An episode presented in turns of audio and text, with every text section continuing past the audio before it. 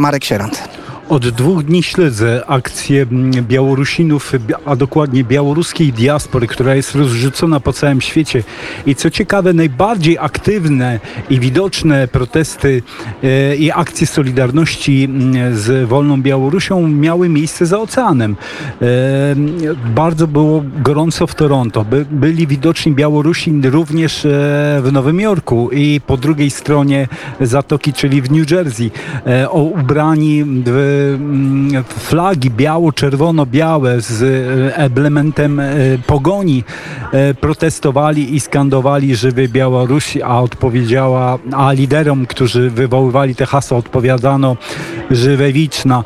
I co podkreślano na tych demonstracjach, bo były one mm, e, przede wszystkim akcjami Solidarności. Chodziło o Pratasiewicza, chodziło o innych zatrzymanych, e, wystosowano petycje, e, blokowano, mm, czy też protestowano pod ambasadami, ale nie tylko za oceanem, bo również i w Europie, w Londynie, w Berlinie, w Paryżu, w kilku innych miastach. Musiałbym tutaj wymieniać i wymieniać, a uwierzcie mi Państwo, było tych akcji naprawdę sporo, a także u nas w Polsce, w Warszawie między innymi. Wczoraj miała akcja, s- y, miejsce akcja przed ambasadą białoruską w Warszawie, gdzie protestujący domagali się reakcji em, Unii Europejskiej, Stanów Zjednoczonych, demokratycznego świata wobec reżimu Białorusi.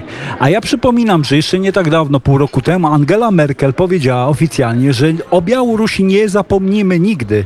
I jak widać, efekt jest jaki jest.